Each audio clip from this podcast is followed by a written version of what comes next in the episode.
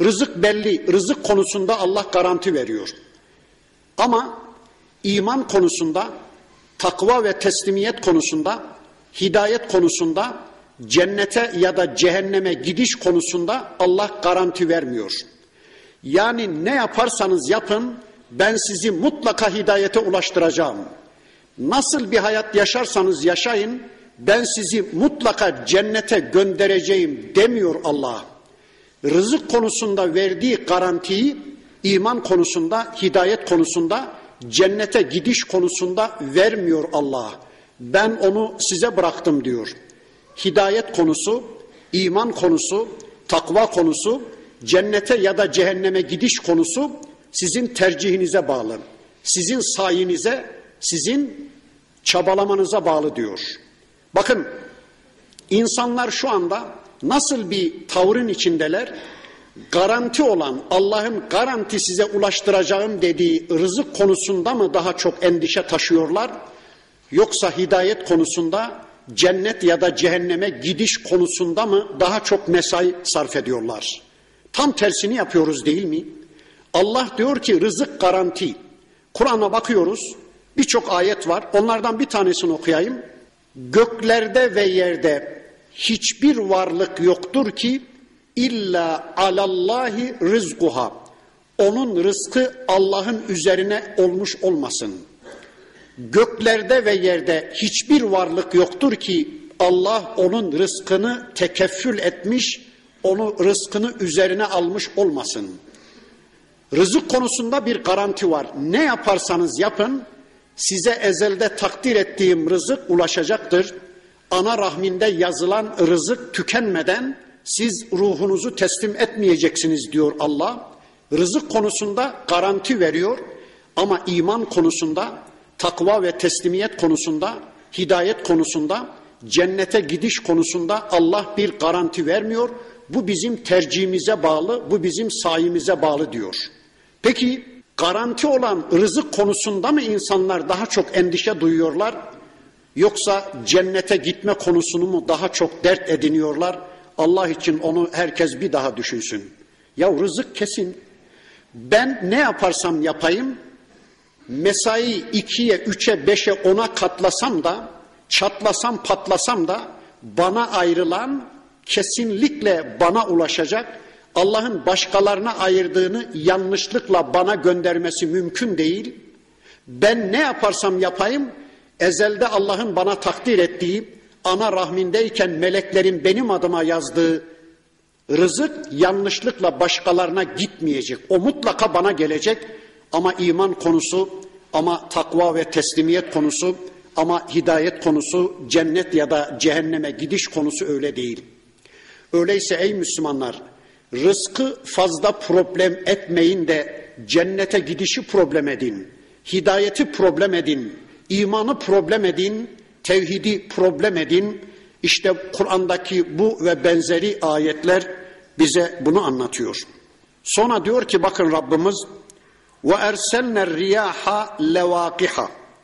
Biz rüzgarları aşılayıcı olarak göndeririz. Rüzgarları telkih için yani döllemek için göndeririz. Önceki derslerimizde de ifade ettiğimiz gibi ağaçlarda erkek organ, dişi organ var. Bazen bir ağaçta hem erkek hem dişi organ var. Bazen bir ağaçta sadece erkek organ, öteki ağaçta dişi organ var. İşte bu erkek dişi organın buluşması için telkih dediğimiz, döllenme dediğimiz ya da aşılanma dediğimiz olayın gerçekleşmesi için Allah rüzgarları gönderiyor. Rüzgarlar böyle bir telkihi, böyle bir aşılamayı gerçekleştiriyor ki bunun adına tozlaşma denir. Sonunda meyveler meydana geliyor. Armut diyoruz, elma diyoruz, portakal diyoruz ve biz onları yiyoruz. Bunu rüzgarlar gerçekleştiriyormuş. Bakın Allah diyor ki ve erselner riyaha levakiha biz aşılayıcı olarak rüzgarları göndeririz de feenzelna mines semai maen gökten su indiririz. Gökyüzündeki aşılamayı da rüzgarlar gerçekleştiriyor. Bakın aynı elektriği yüklü bulutlar birbirlerini iterler. Birbirlerine dargın, birbirlerine küs duran o bulutları Rüzgar gelir, birbirine katar karıştırır. Aralarında bir imam nikahı kıyar rüzgar. O ızdivacın neticesinde yağmur çocukları, kar çocukları, dolu çocukları inmeye başlar. İşte gökyüzündeki bu telkihi, bu nikah eylemini, bu ızdivacı da rüzgarlar temin ediyor. İşte Allah diyor ki biz aşılayıcı olarak, telkih edici olarak rüzgarları göndeririz de فَاَنْزَلْنَا مِنَ السَّمَاءِ مَاءً Gökten su indiririz. فَاَسْقَيْنَاكُمُوهُ Sizi onunla, o güzel suyla, o tatlı suyla sularız. وَمَا أَنْتُمْ لَهُ بِخَازِنِينَ Siz asla o suyun hazinelerine sahip olamazdınız. Eğer biz bu eylemi rüzgarlara yaptırmasaydık, eğer biz şu anda içtiğiniz sularınızı gökyüzünden indirmeseydik, siz asla o suya sahip olamazdınız, onun hazinelerine malik olamazdınız. Var mı öyle bunaldığınız, daraldığınız zaman gökten iki damla yağmur indirebileceğini bildiğiniz birileri yok değil mi? Bu işi sadece Allah yapıyor. Bakın şu anda o güzelim suları içiyorsunuz. Yine Mülk suresinde bir ayet nazil oldu. Kul eraeytum in asbaha ma'ukum gavran femen ye'tikum bima'in ma'in. Sor onlara ey peygamberim. Allah sularınızı çekiverse, Allah sularınızı kurutu verse kime gidersiniz? Kime koşarsınız? Kimden su istersiniz? Var mı Allah'tan başka size o suyu getirecek birileri? Peygamber aleyhisselam bu ayeti Mekke müşriklerine duyurunca orada oturan müşriklerden birisi dedi ki yahu bundan kolay ne var? Alırım kazmayı vururum yere çıkarırım suyu dedi. Allah onun gözünün suyunu alıverdi de sabaha kadar geberip gitti. Hadi getir bakalım gözünün suyunu. Bakın Allah diyor ki sularınızı alıversek kime gidersiniz? Şu anda içtiğiniz sularımızı alıverse Allah ya da vücutumuzun sularını çekip alıverse biliyorsunuz insan vücutunun yüzde altmışı yüzde yetmişi sudur. Bedenlerinizin suyunu çekiverse Allah kolera hastaları suyu çekiliyor da günde 20 litre 25 kilogram serumlu su veriyor doktorlar 3-5 gün anca yaşıyor. Yani bedenin suyu çekildiği zaman ne yapacaksınız? Ya da kanlarınızı kurutuverse Allah ya da bel sularınızı alıverse, erkeklik ya da kadınlık sularınızı alıverse, gözünüzün suyunu alıverse ya da kasanızın, kesenizin suyunu alıverse, yani ticaret sularınızı alıverse, işte bir kriz oldu da insanlar ne yapacağını şaşırdı. Ne yaparsınız? Kime gidersiniz?